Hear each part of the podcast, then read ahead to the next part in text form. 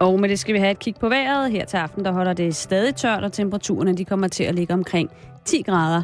I aften og i nat der kan der en overgang komme øh, lidt regn i de sydvest. Temperaturerne de kommer i nat ned mellem 5 og 10 grader. Vinden den bliver svag til jævn fra nordøst og øst. Nu får du halløj i betalingsringen.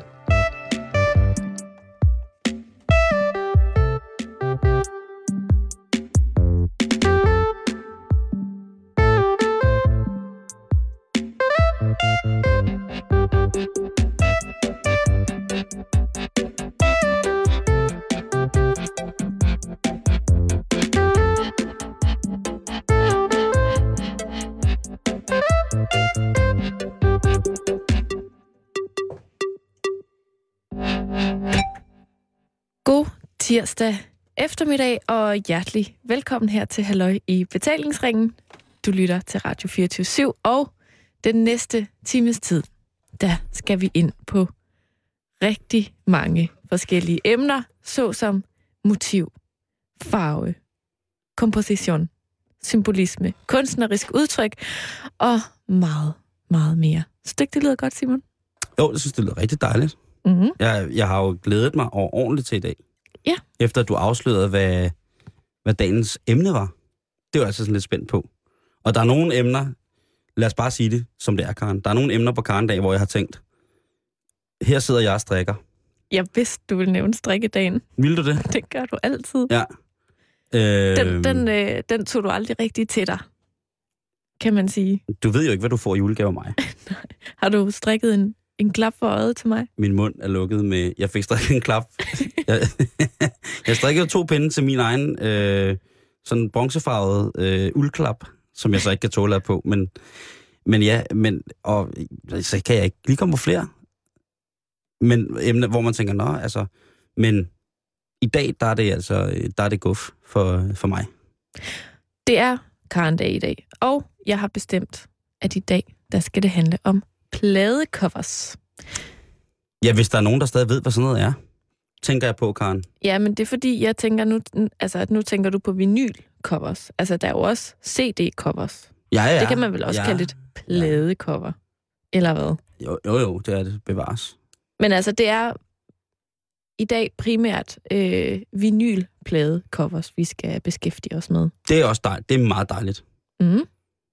Og øh, det bliver sådan, øh, hvad skal man sige, en snak om alt fra vores yndlingspladecovers Mm. til en historisk gennemgang af, hvad der har været af forskellige covers og designer, og hvad det er for en tid, de er opstået i, og hvad det er for en musik, de er kædet sammen med. Og så, Så- så vi skal ikke bare se på norske bossa nova covers fra midt-70'erne. det tror jeg bare ikke, lytterne får så meget ud af. Åh, det ved jeg nu ikke. Sheller Rock Band har virkelig nogle seriøse covers. Nu ved jeg jo ikke, om det er dit yndlingscover, du Det er- vil beskrive nej, for lytterne Nej, senere. det er, en, fordi det er, så, en, øh, det er en, en fraktion af det, af det, der svarer til Danmarks Radios Big Band, som i 70'erne lavede øh, Sheller Rock Sessions. Og de Okay. har altså præsteret nogle pladecover i særdeles, særdeles voldsom signalværdi for mig. Men Mhm. det, det kan vi tage en anden dag jo.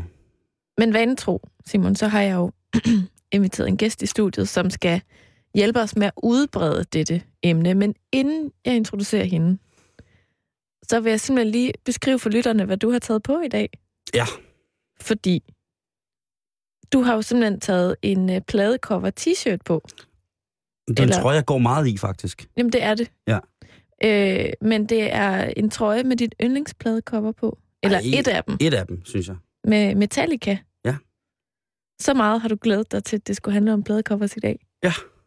Der. Det synes jeg er meget fint. Tak. Kan du huske, hvornår du har købt den der t-shirt? Ja, den har jeg købt i Austin i, øh, i 2003, tror jeg, hvor at jeg fandt den i den, der hedder, en pladebutik i Austin, som hedder Waterloo, som har utrolig mange... Øh, de har en fantastisk pladeafdeling, men de har også en fantastisk filmafdeling. Jeg var faktisk derinde for at se, finde nogle film. Mhm. Og øh, lige pludselig så hang der bare i merchandise-afdelingen, så hang der den her i størrelse øh, lille tyk mexikaner. Og så tænkte jeg, jeg har ikke kunne passe noget Metallica gear, siden jeg gik i 9. klasse.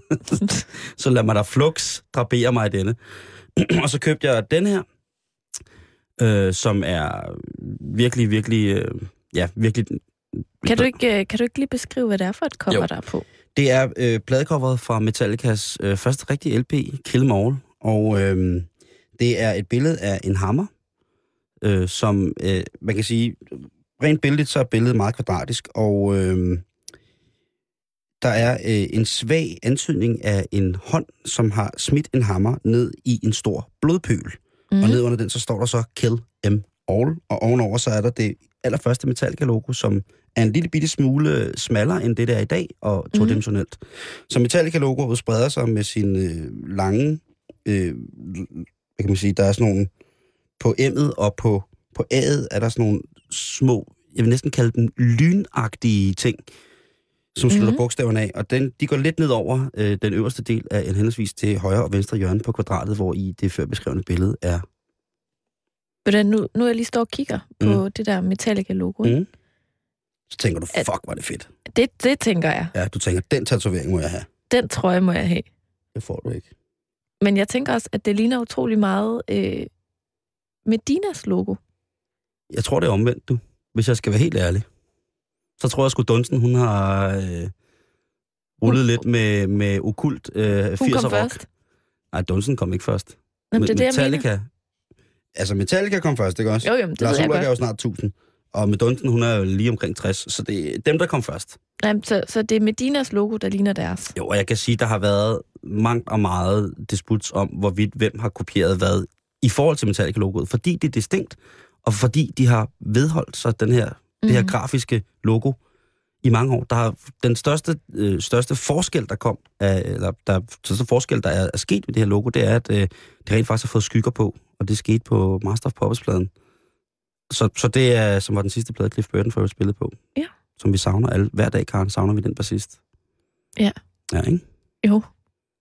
Du kan godt, du kan godt mærke, at du har ramt mig et emne, hvor at, at jeg, er, jeg er klar til at... Og, Altså, endnu en karndag er det ærgerligt. Vi kun har 55 minutter. Ja. Så skal vi ikke haste videre. jo, jeg skal nok huske at række hånden op, fordi jeg vidste, du ville sige det lige om lidt. Jeg tænker, at vi lige repeterer, inden vi haster videre. Hvis jeg vil sige noget, skal jeg række hånden op. Lige præcis. Godt. Nå, det er karndag, og det skal handle om pladecovers, og jeg har inviteret en gæst i studiet, som jeg nu vil byde rigtig hjertelig velkommen. Mange tak. Laura Liv Vejkop. Og øhm, du er kurator sammen med en anden på udstillingen Pladecovers, vinylens revival på Designmuseum Danmark, som man kan se lige nu faktisk her i København, Lige nu frem til marts, ja. som jo faktisk er en udstilling, sjovt nok, der handler om pladecovers. Det er det. Øhm, jeg kunne sådan tænke mig at starte med at spørge aller, aller først. Øh, nu har du, øh, som sagt, sammen med en anden været med til at sætte hele den her udstilling op. Øhm, er det noget, pladecovers, du, sådan, er det noget, du interesserer dig specielt meget for sådan personligt? Det er det. Øhm, ellers var jeg heller ikke blevet tilknyttet den her udstilling, som jeg har lavet med Lars Dybdal inde på museet. Øhm, men jeg skrev faktisk speciale for en del år siden efterhånden om pladecovers netop. Øhm, fokus her var på vinylens survival, altså hele den atmosfære, som pladecoveret bidrager til. Så jeg var ude og tale med en lang række af forskellige mennesker, som indvidede mig i hele det her fantastiske univers, som det er, som jeg kan høre Simon også allerede øh, godt inde Du var i. ikke forbi Simon og hans Jeg var faktisk ikke forbi Simon, men det kunne godt være, jeg skulle have været det. Det kunne være, at jeg nåede det, inden han solgte sine plader. Ja. Øhm, ej, det var en fantastisk oplevelse, som gjorde åbnede mine øjne for et nyt grafisk medie. Jeg har altid været meget interesseret i grafisk design og har arbejdet meget med det, øh, både i mit studie, men også professionelt efterfølgende. Mm. Så det var enormt interessant at se, hvad betyder coveret egentlig for folk? Hvad betyder det for musikoplevelsen? Og hvad betyder det i det hele taget i forhold til pladen som objekt, som jo har fået stigende salgstal her gennem de seneste år? Mm. Og det tror jeg blandt andet i rigtig stor grad skyldes netop coveret. Hvad, hvad, hvad, hvad fandt du ud af på den her rejse ind i folks pladesamlinger? Er der mm. nogle... Overvejende set er det rigtig meget handler om atmosfære. Mm. Øhm, og så den her sammenhæng mellem musik og visualisering, altså musikken og billederne i rigtig stor grad. Alle fortalte mig, at øh, det her med at sidde med coveret gav dem en helt særlig fornemmelse. Det var ikke bare at hvad skal vi sige, sidde med et CD-cover. Det var stort, det var taktil, altså man kunne føle med det, man kunne tage på det med hænderne. Øh, man kunne huske, hvilke rødvinspletter var for hvilke fester. Øh, man havde et helt særligt personligt forhold til de her billeder, så det var mere end bare et stykke pap. Er der sådan øh, nogle særlige samlinger, du kan huske? Altså, jeg forestiller mig de her samlere, der har kilometervis af af plader og alt muligt. Er der sådan særligt nogen stuer eller kammer eller rum, du sådan kan huske på Jamen, den der der er tur? mange. Øhm, altså, i starten var det mest folks forhold, så der gik jeg igennem deres samlinger som sådan. Der talte vi mere om, hvilke covers de havde særlige forhold til. Men her i forbindelse med udstillingen har vi jo rigtig stor grad været hjemme hos folk, altså været inviteret ind i folks huler, i de hellige haller, kan man kalde det. Og det har været helt fantastisk. Det har det virkelig. Det har været, ja, hvad skal vi sige, en rejse gennem de her utallige covers. Øhm, nu vil jeg ikke sætte navn på, der er nogen, der er meget ømme omkring, fordi de simpelthen er bange for at få stjålet deres covers. Mm. Øhm, Det, men det, kan, kan man godt være. forstå. Det kan man godt forstå. Det kan jeg godt. Det er rigtig, rigtig gode covers, vi taler om her. Men det er flere tusind covers og plader, vi har været igennem. Det har været alt fra ja, erotiske samlinger med specialisering af easy listening til klassisk, helt hardcore rock. Det har været klassisk musik. Øhm, ja, så har det været sådan helt almindelige mennesker, som har haft deres musik, men har som har samlet gennem rigtig mange år. Nu siger du selv, at, øh, at salgstallet på de her øh, vinyler, det er stigende. Ja, eller i hvert fald steget lidt, og en del her. Det er cirka tredoblet, mener jeg. I må ikke hænge mig helt op på de endelige tal, øh, siden 2006, så vidt jeg husker. Mm. Altså lidt senere i dagens program, så skal vi nemlig snakke om sådan fremtidens cover, hvis man kan sige det sådan. Men jeg har bare lige lyst til at spørge dig allerede nu. Hænger, altså det her stigende salgstal, tror du, det hænger sammen med øh, det visuelle udtryk? Det tror jeg. Der er noget lækkert ved coveret. Det er et eksklusivt objekt i rigtig stor grad. Så det er også derfor, man er begyndt at bruge penge på at producere LP-covers igen i rigtig stor grad. Mm. Altså meget af den udvikling, man så i 60'erne og 70'erne, hvor vi begynder at lave cutouts og paste så begynder at lave alt muligt forskellige formeksperimenter med coveret. Det gør man faktisk i dag igen også. Altså simpelthen dyrke ja, coveret som, øh, som et formeksperiment. Altså noget, man kan gå ind og lege med. Who Made Who har lige lavet deres nye album her, hvor de simpelthen har, har skåret små øh, huller i ansigtet på sådan en, en græsk statue øh, af et mandeansigt. Trækker man coveret ud, så kan man simpelthen se, hvordan hele det her billede ændrer sig. Og man får et nyt cover simpelthen ved at fjerne selve pladen øh, og inderslivet på den måde. Ej, det er altså meget interessant, synes jeg. Nu synes jeg, at vi skal prøve at kigge lidt på sådan, hvad skal man sige, det historiske perspektiv på det her. Ja. Altså, hvornår starter det her med de her pladecovers i det hele taget? Øhm, jamen det, vi kalder det moderne illustrerede pladecover, det starter blandt andet med Alex Steinweiss. Øh, han bliver ansat hos Columbia der i slutningen af 30'erne øh, og fortaler for, at vi skal have billeder til musik. Jeg skal lige sige, at han er altså ikke den første, der laver et illustreret cover, men han er den første, der skal vi sige, sikrer gennembrud. Der Mhm. har været eksperimenter med illustrerede covers tidligere.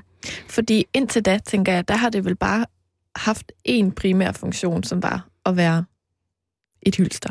Det er et hylster, det er emballage, det er sådan nogle helt almindelige, lidt kedelige, grå og brune paphylstre. Øh, I starten bliver de bare klipset sammen ude i siderne nærmest. Altså virkelig lavpraktisk, virkelig groft.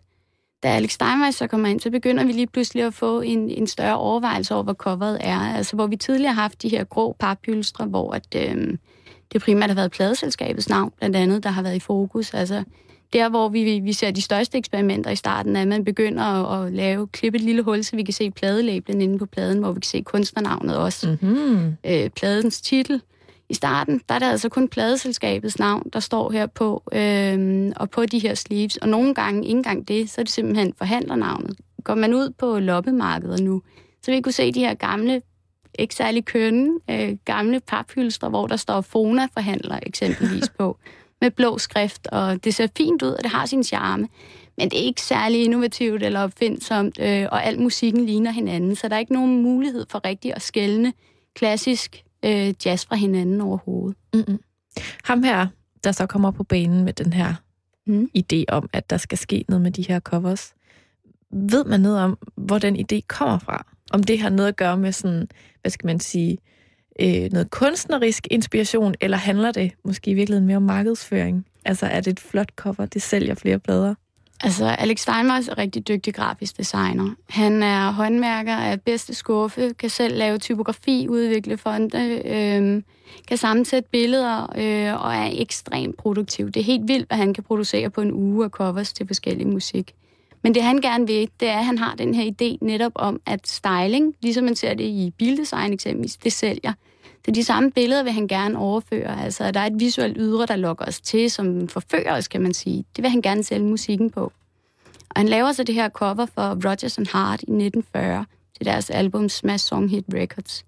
Og det er et cover, som er interessant på rigtig mange forskellige måder. Det er et fotografi i sort-hvid, som viser sådan en, øh, ja, sådan, øh, ja, teater, hvad hedder det, et, øh, ja, teaterfacade med, I ved, med store øh, bogstaver, som man kender dem fra Broadway USA, som man kan pille ned, mm. hvide bogstaver sat op, som bare, øh, ja, som, som simpelthen staver bogstav, eller titlen på, det, øh, på selve albummet, og så på kunstnerne også. Øhm, derudover så er det et, et album, det er ikke bare en enkelt plade, så det, det har en ryg, der er i rød.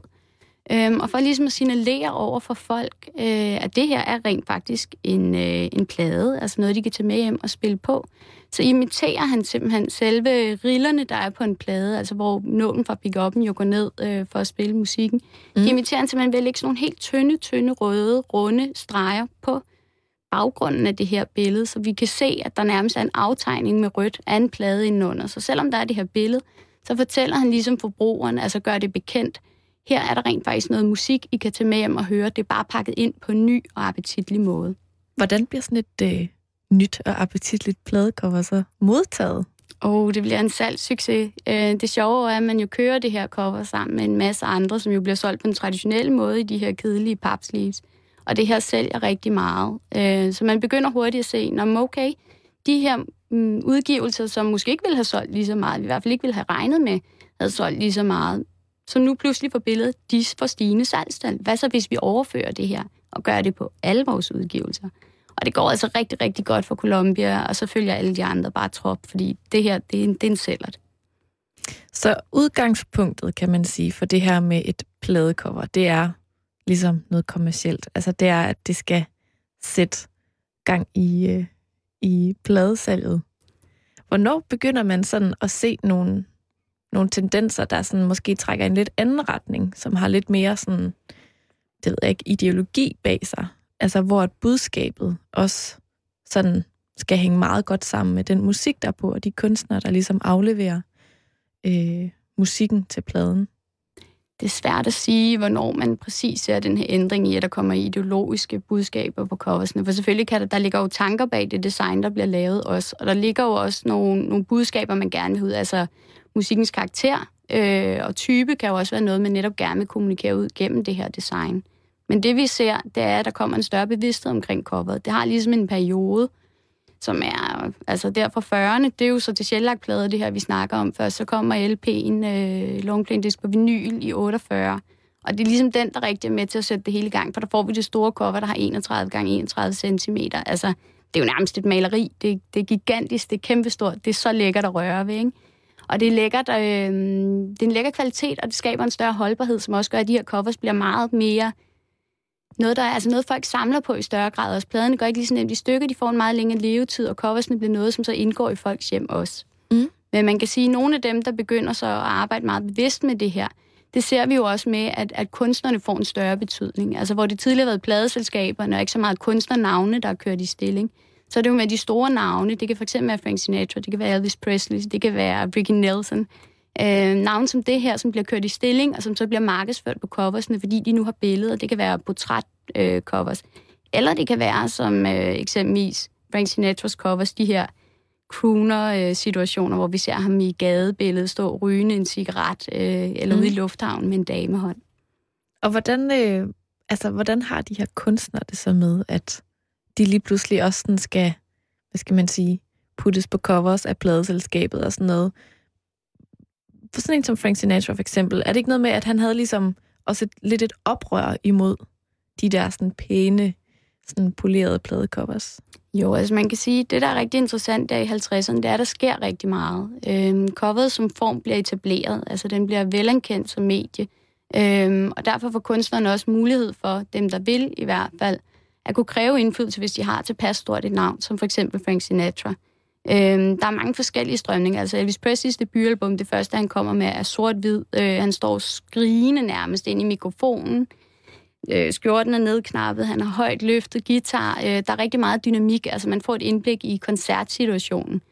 Det er i 1956, året efter, der udgiver han altså et helt andet type cover, fordi der er rocken, eller rock and roll musikken, må vi hellere sige, hvad hedder det, det, det må ikke være farligt.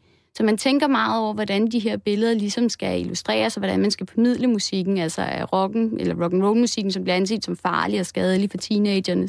Og sådan en afspejling af hele den her øh, teenagekultur, som jo opstår på det her tidspunkt. Det er noget, vi skal passe på med at sælge som farlig musik. Det skal i stedet være de her afdæmpede billeder. Det samme ser man så også for eksempel hos en som Sinatra, som er en crooner, altså stille, rolig, romantisk musik, mm. fine situationer. Der er ikke noget, vi kan støde os på der. Øh, måske lidt nogle af hans affiliationer, mafiaen og sådan lidt andet, men det, det er uden for musikken.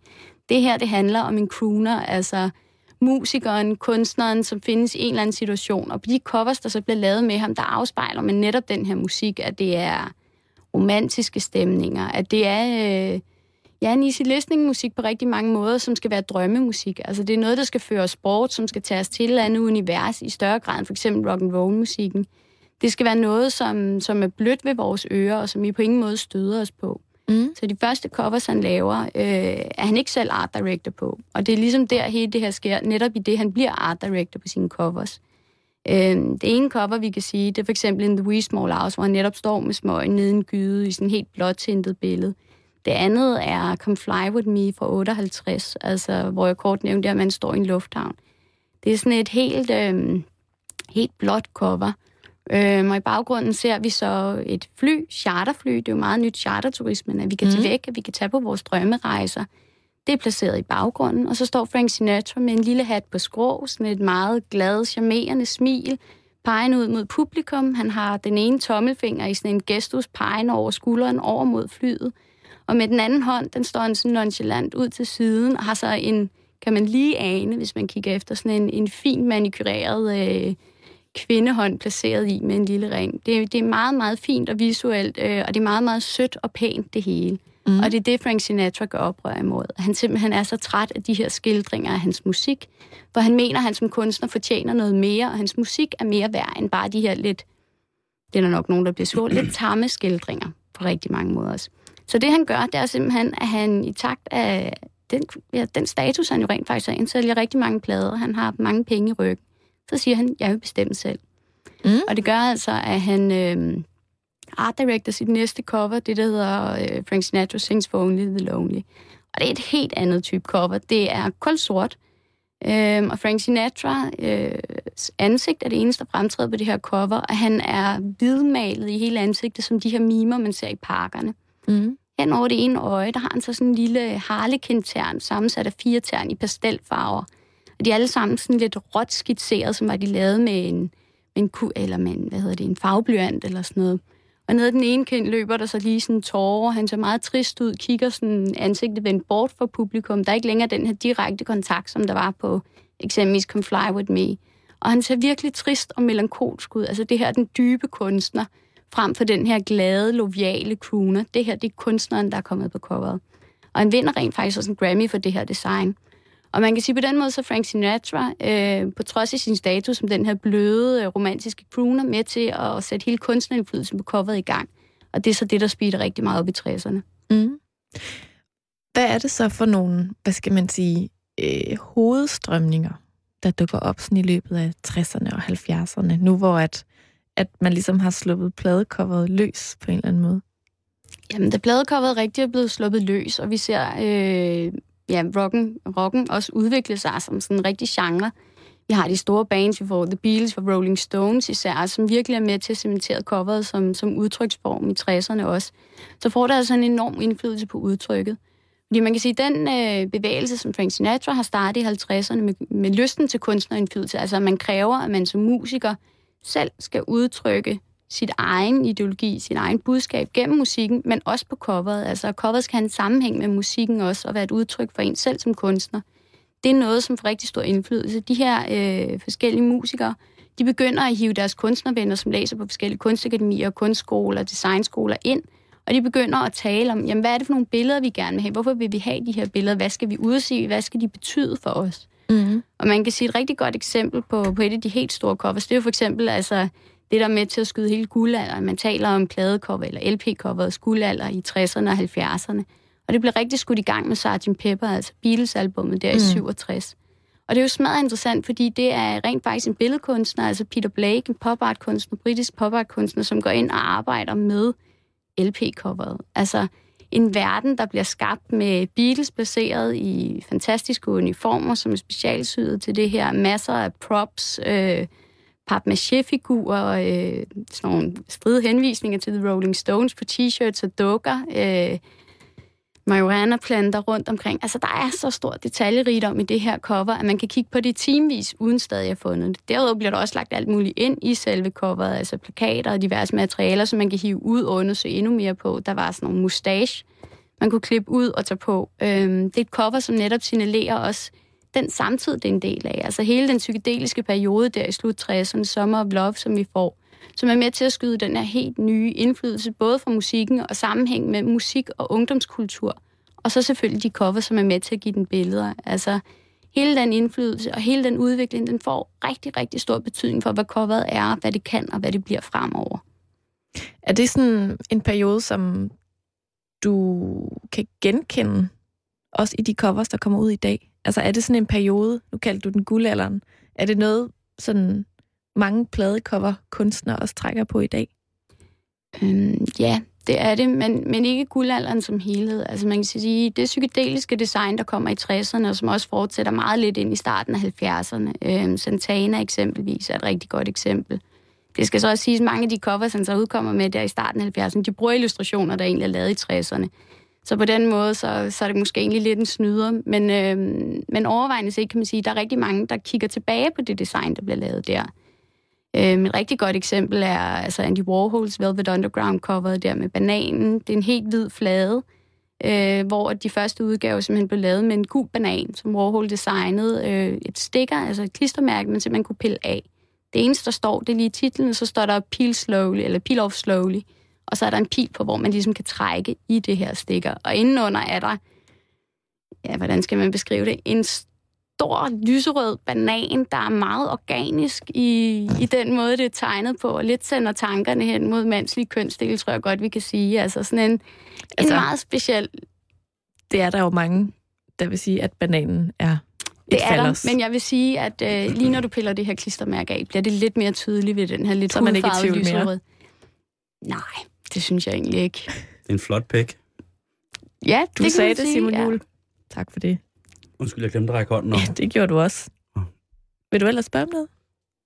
Nej, jeg er vanvittigt underholdt, og til de kære lytter, der lige er kommet på, så velkommen til Radio 24 Det er Karendag, og det handler om pladecovers. Vi besøger Laura, som ved helt vildt meget om det, og ja, tilbage til damerne. Tak for det her, Jul. Ja, selv tak. Nu rører jeg helt ud af den, på Nej, grund jeg af kan den godt der tage den lyserøde for banan. jeg, tror ikke helt, jeg fik sagt det, jeg egentlig ville. Uh. Øhm, Fortsæt. for det kan man sige, det er et rigtig godt eksempel på, hvor folk netop henter den her inspiration. Altså bandet Dandy Warhols har lige udgivet, eller lige, det er i 2011, øh, så vidt jeg husker, et cover, der hedder Welcome to the Monkey House. Det er kul sort, men på forsiden er der så en gul banan øh, med skralden sådan, hvad skal vi sige, delt af en lynlås, altså som om man har lynet den ned, og så skralden faldet ud til siderne. Mm. Og det er et remix af to af de mest ikoniske covers, altså Andy Warhols Velvet Underground, det jeg lige fortalt om med bananen. Og så det, han laver for Rolling Stones i 71 med Sticky Fingers, hvor vi har en, et sort-hvidt øh, manipuleret billede af et mandligt skridt, sådan helt close-up lige af lynlåsen, øh, hvor man kan se sådan meget skyggefuld penis mod det ene lov, og så ellers bare, hvis man lyner ned med en rigtig lynlås, skal lige vel at mærkes i de første udgaver her, så er der ikke noget indenunder, men det hele den her leg, netop med, med billedet og forbrugeren, altså at, hvad er der, når vi lyner ned her? Lidt det samme som med bananen. Mm. Så det er i hvert fald et eksempel på, hvor man går tilbage til nogle af de ikoniske cover og henter inspirationen. Og så er der rigtig mange covers, som netop er inspireret af psykedelia. Øh, Meg, der laver Fairy Kabadoo, er et rigtig godt eksempel. Øh, de covers, der bliver skabt der, altså ser du dem på CD-format eller ikonformat ind i iTunes, du kan absolut ikke se, hvad der er. Det er så detaljerigt, så bitte, bitte små illustrationsdele, der, der er helt ned til, ja, hvad er det, et par millimeter, så du skal have det store cover, og det skal helt op i hovedet, for at du overhovedet kan se, hvad der sker.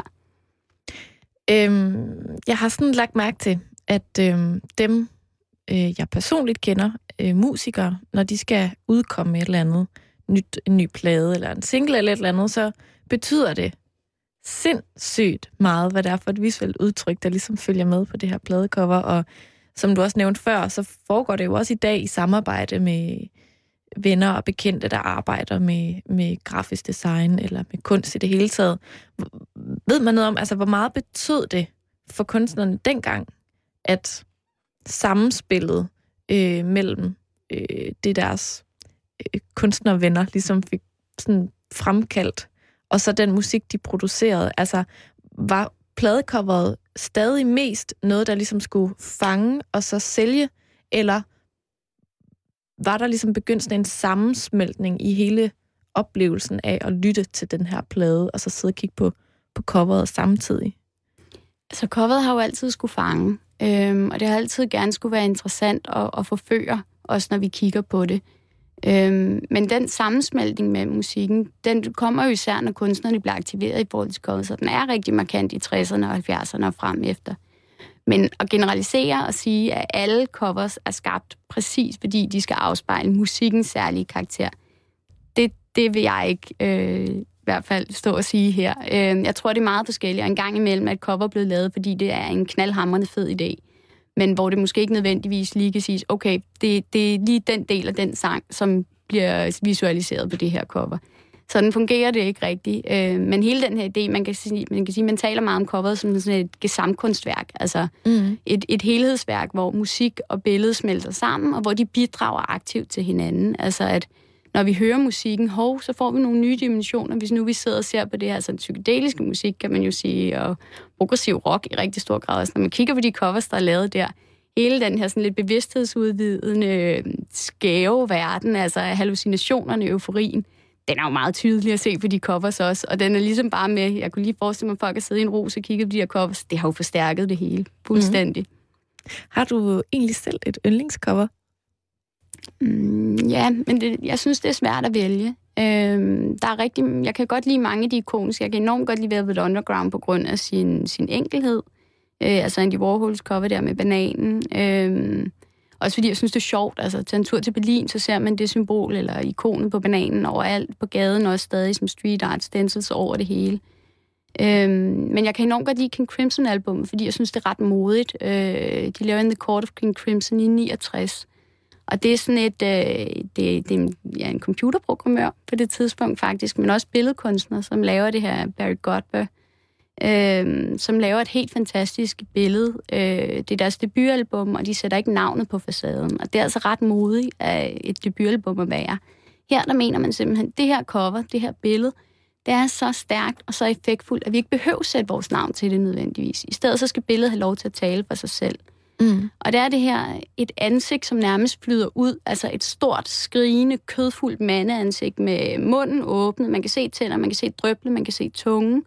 Øjnene er opspærret, næsen er meget stor, grim og klumpet. Øh, og så hele det her ansigt er nærmest trukket ud, hvis man folder hele coveret ud i sin længde. Øh, det holdt de rødlige, lille og, og sådan blålige toner. Det er meget, meget kødfuldt, når man ser det. Og så har nogle fantastiske referencer til f.eks. polsk plakatkunst øh, på samme den her tid også, som er, er helt fantastisk. Altså, det er et psykedelisk maleri på coveret, kan man sige, men som har hele den her jamen, idé om mennesket i opløsning, altså hvor vi er på vej hen, vi flyder ud, øh, som ligesom bliver iscenesat ved den her illustration. Hvad er det, det rører ved dig? Sådan, altså, hvorfor er det lige præcis, at det her er, dit, sådan, er et, der har rørt dig, tror du?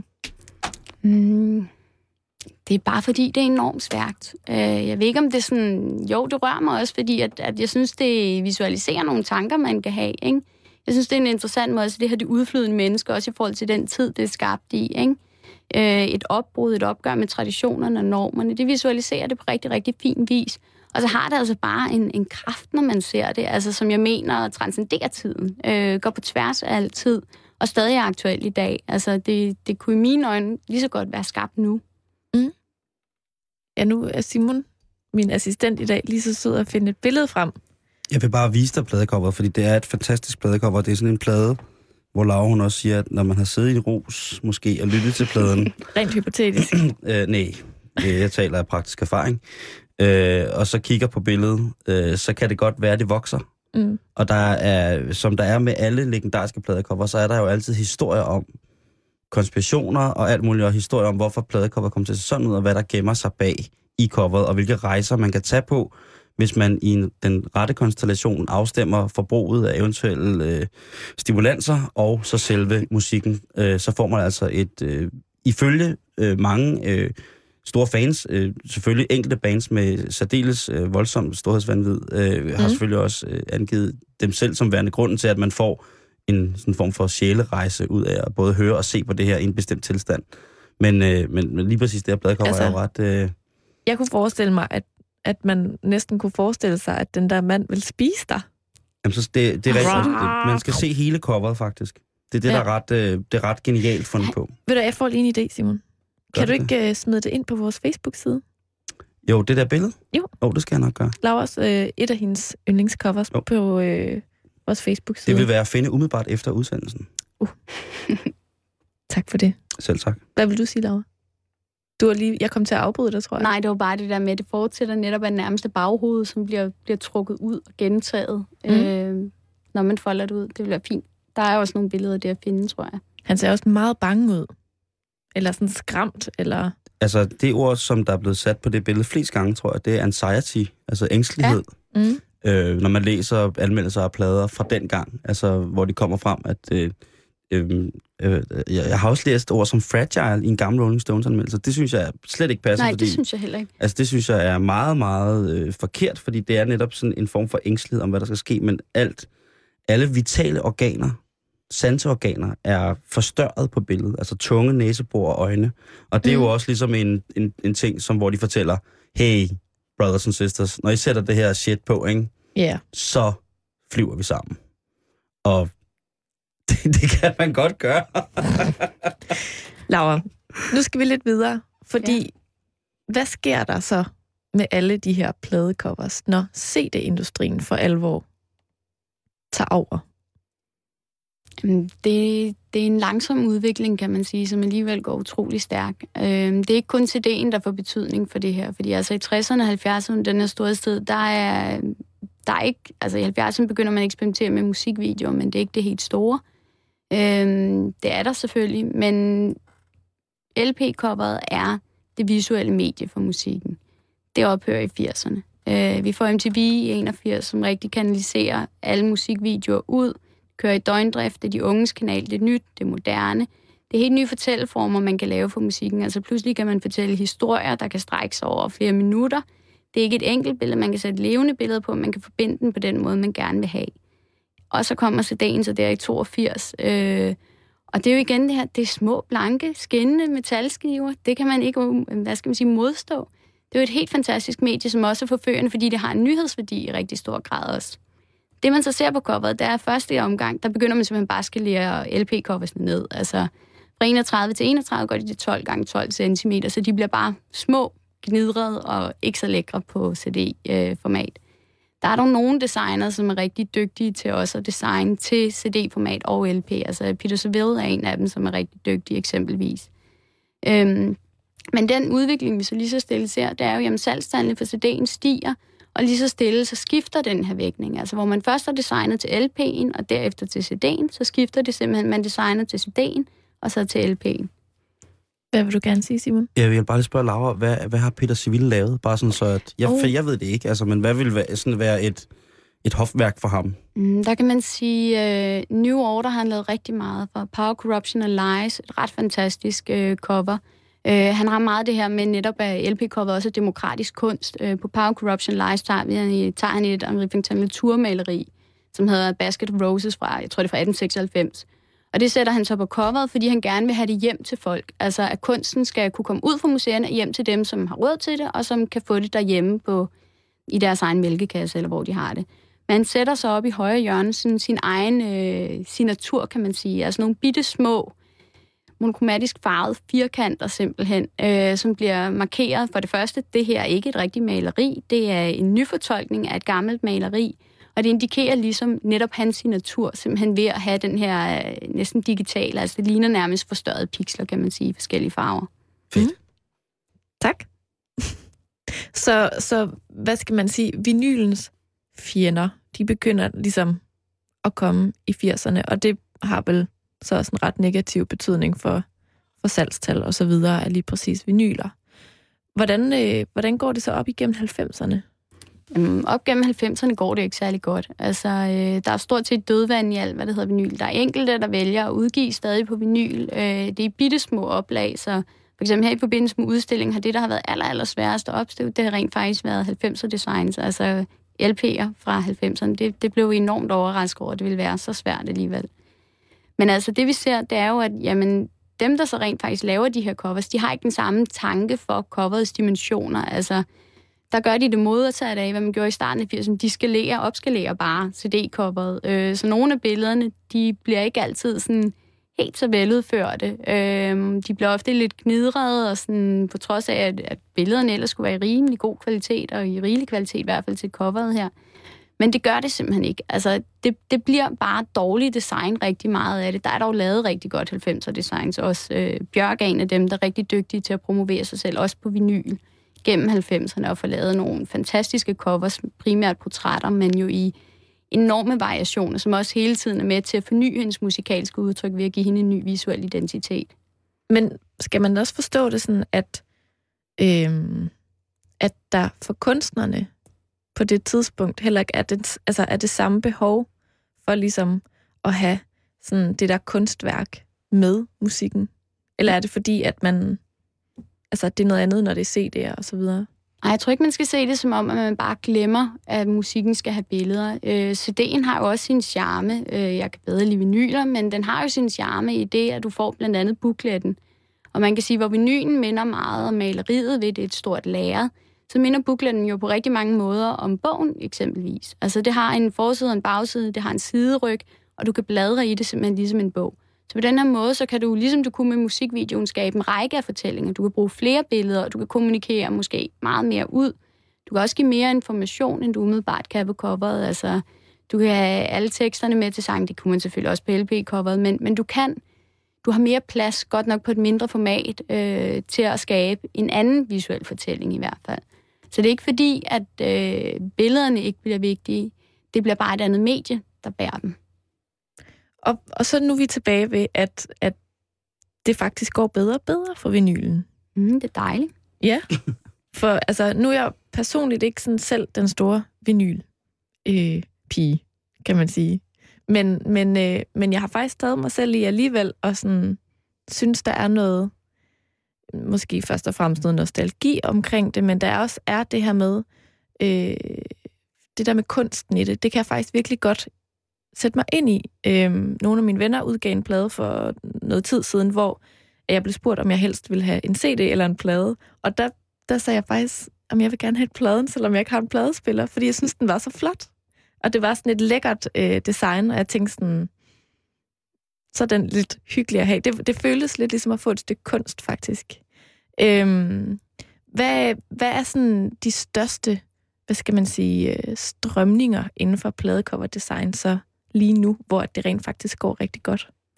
Jamen, det, man kan generalisere i to hovedtendenser, øh, men der skal det altså siges, at der bliver udgivet ekstremt meget forskellig musik. Musikken er endnu mere fragmenteret af alle den nogensinde har været, og derfor er den spillet, og det også i rigtig stor grad. Og der er enormt mange, der udgiver på vinyl igen også. Men man kan sige, at den, den, det er lidt en videreførsel af nogle forskellige tendenser, der har været før. Altså, vi har noget retro-design, for eksempel Dandy Warhol, jeg nævnte, som går tilbage og remixer øh, nogle forskellige covers, altså og hylder hele den grafiske arv, der ligger der. Vi har Emek, der henter inspiration eksempelvis i øh, psykedeliaen. Og så har vi to tendenser, altså dem, der, hvad skal vi sige, designer specifikt til LP-coveret, uden tanke for, om det skal fungere som iTunes-ikon eksempelvis også. Det vil altså sige design, der ofte er storladen, som ofte ligger op til, at det skal være på et cover. Måske kan man gøre noget med det. Måske kan man ændre det, hvis man pille inderslive ud. Er der noget øh, transparens eller andre måder? Nogle cutouts? Øh, det kan være enormt detaljeret, så det kun kan ses på netop det her format. Altså fordi, at, at der er en detaljerigdom, som vi ikke kan se, når det bliver helt ned i de små ikoner, som måske er 1 gange 1 cm, eller hvad de er i forskellige størrelser inde i iTunes. Så er der så den anden række, eller den anden... Øh, tendens, kan man sige, som netop har den her formatuafhængighed, altså som arbejder med, meget med den virkelighed, som coveret jo også befinder sig i i dag. Det skal fungere på LP, det skal fungere på CD, men det skal altså også fungere i et coverflow inde i en online musikbutik, hvor vi lynhurtigt skal kunne genkende det, simpelthen navigere, navigere gennem de her forskellige øh, albums og single hits. Og det gør jo selvfølgelig, at det skal være nogle billeder, som er relativt enkle, eller i hvert fald har nogle farver eller nogle former, som træder meget, meget nemt frem. Og det vil være design, øh, man kan sige for eksempel Mark Farrows design på Pet Shop Boys, deres Yes-album, tror jeg, er det de sådan, nærmest mest enkle eksempler på det. Altså en hvid, hvid flade, album hedder Yes, og så er der et check-tegn, altså et Yes-tegn. På midten, som er sammensat af sådan nogle farvede felter, som lidt er inspireret af Gert Richters malerier. Øhm, det er et super simpelt design, som kan genkendes og som kan skaleres op og ned, præcis som man vil, uden det mister sin styrke og sin klarhed i udtrykket rent grafisk. Mm.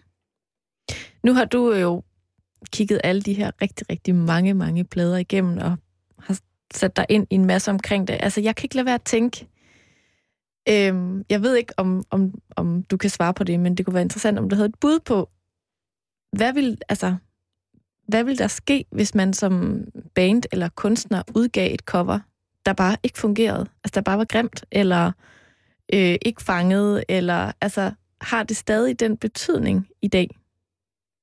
Mm, det kommer nok an på, hvordan man udgiver det. Hvis man kun udgav det på vinyl, tror jeg ikke nødvendigvis, det vil være så godt.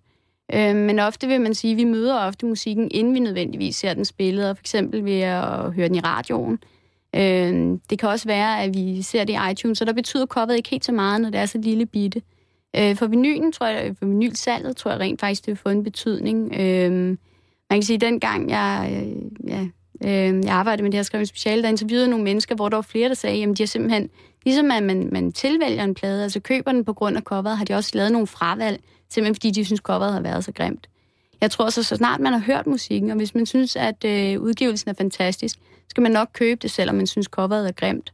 Men det vil ikke trække en til på samme måde, medmindre det er så kitschet, og det er sjovt selvfølgelig. Altså, jeg har faktisk nogle gange købt nogle plader, fordi de havde nogle sindssygt grimme covers, eller nogle lidt uheldige billeder, eller sådan noget der er sådan en, en lidt kitsch-kunst over det nærmest, ikke? Jamen, så går der humor i det, altså. Men, men det er ikke fordi, at man synes, det er et fedt design. Altså, så bliver det ikke det der, du tager omtalt med et kunstværk i sig selv, man mm-hmm. tager hjem.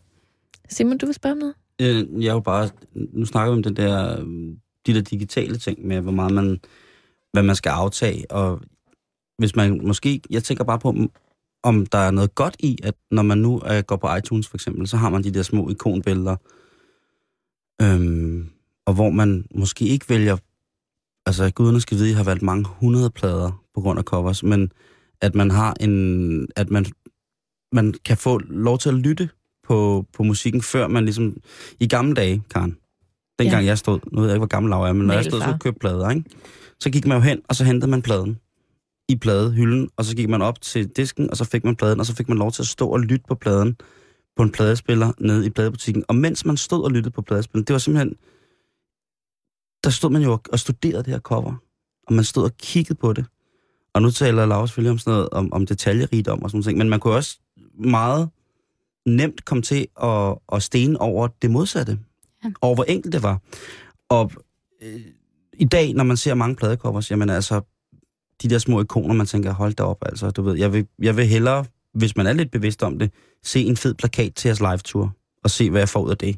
Fordi jeg bruger ikke øh, jeg bruger ikke det visuelle på samme måde, når jeg køber plader i dag overhovedet, fordi at meget af min pladehandel foregår digitalt. Mm. Og, så, og, og der tænker jeg ligesom på, hvad vil man så købe i dag? Øhm, altså jeg tænker, hvad står stadig stærkt? Altså hvor man står med nogle helt klare, øh, man har nogle helt klare, øh, du ved, der er et helt klart udtryk i de, de der små cover. Og forleden dag, der fandt jeg bare en single, Maja Adidas med Run DMC igen. Øh, og det logo, Altså, det ved jeg ikke. Øh, men hvor, man, nu kan vi tale om, øh, det er et helt andet program, en ny karndag, hvor vi skal diskutere øh, genre og, mm. og, og kunststilarter. Og, men øh, det, der, det, det, der sker i 80'erne, øh, faktisk i slutningen af 70'erne allerede med Sugar Hill Gang, øh, hvor de begynder at inkorporere nogle forskellige små andre vigtige parametre i den kultur, som hedder hiphop for eksempel. Hvor at en, en mand som Eric Hayes for eksempel går i gang med at lave EPMD-covers. Øh, manden, som har det lidt, lidt lurvede hiphop-tøjmærke Hayes, men som også har været en af de aller, allerstørste graffiti-malere i USA. Han begynder lige pludselig at blive... Øh, han har jo på ingen måde grafisk eller sådan andet, end han maler graffiti. Og lige pludselig bliver han sat ind i sådan nogle ting, hvor han, hvor han støtter op om, om nogle venner, kan man sige, eller de, de kender en anden for kulturen, Øhm, og der tænker jeg bare på, er der sådan nogle eksempler på i dag, hvor man siger, jamen altså, der er nogle skældsættende mennesker i, inden for, for, for film og for, for musik, som slår sig sammen og kommer med et udtryk, som kunne svare til et magisk pladecover fra 70'erne? Er der sådan nogle øh, kollaborationer nogle steder, hvor man tænker, det der, det er helt åbenlyst, det er fantastisk? Altså, jeg tror, det er svært at nå de, nogle af de samme højder. For eksempel Hypnose, som jo blev et designstudie, der blev betalt fuldstændig vanvittige beløb for at designe covers. Men... Øh, den økonomiske virkelighed er lidt anderledes nu. Mm. Men mange af de designer, som var der i 80'erne og 90'erne, laver stadig covers i dag. Øhm, og det er nogle af de ikoner, man kan sige, hvor der er en videreførsel af navne i rigtig stor grad også. Men der kommer jo heldigvis også nye navne, og det er jo det, der er så interessant, at der er mange nye opkommende grafiske designere, som vælger at arbejde med netop det her medie, og specialisere sig til grafisk design, til LP-coveret. Hypnosis, er det det firma, som blandt andet, øh, hvad hedder han, Storm Thorkelsen var med til at grundlægge, som har lavet det mest episke, synes jeg, hvis vi nu endelig skal gå yndlinger igennem. Gør det, Simon. Øh, Ellipsetrekanten, blandingen af forskellige medier, øh, hvad hedder det, fotografi og øh, almindelig øh, tegnegraf, analog grafik. Pink Floyd, Dark Side of the Moon. Mm. Øh, ellipsens, ellips, ellipsets farveknæksspektre på en øh, glasprisme. Det synes jeg er noget af det fineste, der er blevet lavet og den holder stadig. Og man ser stadig folk med t-shirts gå på, når man tænker stadig, fuck, det er en fed t-shirt, det der. Men jeg har selvfølgelig min Metallica, men man tænker stadig, det er en fantastisk t-shirt. Karen, jeg bliver nødt til at spørge, et yndlingspladecover for dig? Jamen, jeg har tænkt meget over det, og ja. som jeg også har nævnt tidligere, så er det ikke fordi, at jeg sådan har, har dyrket plader, øh, hvilket egentlig er lidt mærkeligt, for jeg er vokset op med mange af dem, og mine brødre dyrker det ret meget. Ja, du, er, du er om nogen fra et hjem med klavermusik. Men altså, jeg, jeg øh, blev simpelthen så nostalgisk i dag, fordi at jeg så kom til at tænke over, hvad, hvad er egentlig sådan det første pladecover, jeg kan huske. Og det er, øh, øh, hvad hedder det, øh, det soundtrack, Stevie Wonder lavede til en dokumentarfilm, der hedder The Secret Life of Plants, som er sådan et, et sådan lysegrønt cover med sådan en fin, helt enkel tegning af øh, nogle planter, og, eller en blomst, tror jeg, det er. Det er sådan super enkelt. Helt lysegrønt, fint. Og jeg blev bare i så godt humør, da jeg så det. Så måske er det faktisk mit yndlingscover, på trods af, at det ikke er sådan super kreativt eller sådan vildt, men det er bare... Men så betyder helhedsoplevelsen også helt det er jo, meget Det er jo musikken og, og det der, den der dejlige grønne farve og Men det en masse minder og sådan nogle ting, ikke? Men det var også i mine øjne noget af det, der er fantastisk ved LP-coveret, at det i hvert fald i min verden, at jeg får ikke den samme fornemmelse af at se på et CD-cover eller et lille Nej. ikon. Det giver mig en særlig følelse, og det giver en særlig oplevelse, når vi sidder med det. Øh, jeg, det, det vækker minder på rigtig mange måder, øh, men det vækker også følelser. Det er lidt ligesom, jeg kunne forestille mig, nu fortalte du tidligere, inden vi gik i studiet, Simon, at du havde solgt ud af en masse af dine plader på et Yes. tidspunkt. Og det må være lidt ligesom at finde altså, alle familiealbums frem, og så bare sælge ud af sine... Så var der 60-års fødselsdag, så mm. var der studenterfesten, så var der 8-års fødselsdag. Altså, det må være sådan en meget følelsesladet Men sådan var det oplevelse overhovedet, at sådan var det ud af det. ikke. Altså, nej, det, det synes Fordi jeg at ikke, der er det ligesom nogle billeder til alle mulige forskellige sammenhænge. Jo, Eller men- det er vel derfor, man så vælger at beholde dem måske. Ja, hvis man og jeg har jo det ikke sådan- solgt alle mine plader. Det er jo noget... Det, men jeg har solgt mange, men jeg har de plader, som netop har de der idéer. Derfor er min pladesamling også utrolig broget. Derfor, så er det, derfor kan det være Anne Linnet, det kan være Trille Fuldmånetid, det kan være Led Zeppelin nummer 4, det kan være alt muligt mærkeligt, det kan være meget, der er meget Iron Maiden, der, er- altså der, du ved, det, det er plader, som, alle de plader, som har en virkelig, virkelig stor affektionsværdi, hvor man kan se, jamen altså, den her plade, den er kørt færdig, man kan se den inderste rille en lille smule dybere, Mm. så mange gange. De plader har jeg selvfølgelig beholdt. Og de betyder også utrolig meget, men det er jo noget med, hvor man, altså, der er jeg jo så gammel nu efterhånden, Karen, så jeg, jeg bliver som så følelsesladet, når jeg tager sådan en plade op. Det, jeg Du kan jo, er meget gammel. Nå, men jeg kan jo sidde og kigge på Joe Patanos Mo- Motorhead-plader og Gasmatron, og så kan jeg igen dufte øh, has og knaller benzin. Ja. Og så bliver jeg simpelthen så rørstrømt og synes, det er nok måske det smukkeste. Det, det, det, sound, det var soundtracket til meget af det, jeg foretog mig fra jeg var øh, 12 til jeg var 35. Og med disse ord vil jeg sige tusind, tusind tak for besøget til dig, Laura Liv Vejkop. Jamen, mange tak, fordi jeg måtte komme. Det Og så vil jeg øh, opfordre til, at man smutter forbi Designmuseum Danmark her i København og lige tjekker den her vinyludstilling ud. Hvor lang tid er det, man kan se den endnu? Det er indtil den 10. marts næste år, så okay. der er lidt tid nu. Men kom endelig forbi og gerne flere gange. Tusind tak for besøget. Mange tak, fordi jeg måtte komme. Og tak til dig, Simon, for god ro orden. Selv tak. Det har været en af de bedste karndage ever. Jeg føler mig enlightened og oplyst. det er jeg rigtig glad for. Og jeg skal hjem og høre plader. Jeg tænkte nok, at du skulle hjem lige og Ja. bladre. Jeg vil gå hjem og bladre med min ene LP. Jeg går hjem og finder... Jeg, faktisk Måske gå hjem og pakke den sådan rigtigt ud og en, kigge en, på en alle pladecover, sider. apropos noget, vi snakker om, det var det sort-hvid øh, pladecover-fotografi, som der blev snakket om Frank Sinatra. Jeg vil hjem og høre Peter Gabriel, pladen Peter Gabriel fra 1980, for det er en kommentar til proletariatet. Gør det. Nu er det tid til nyhederne her på Radio 24 Klokken er 18.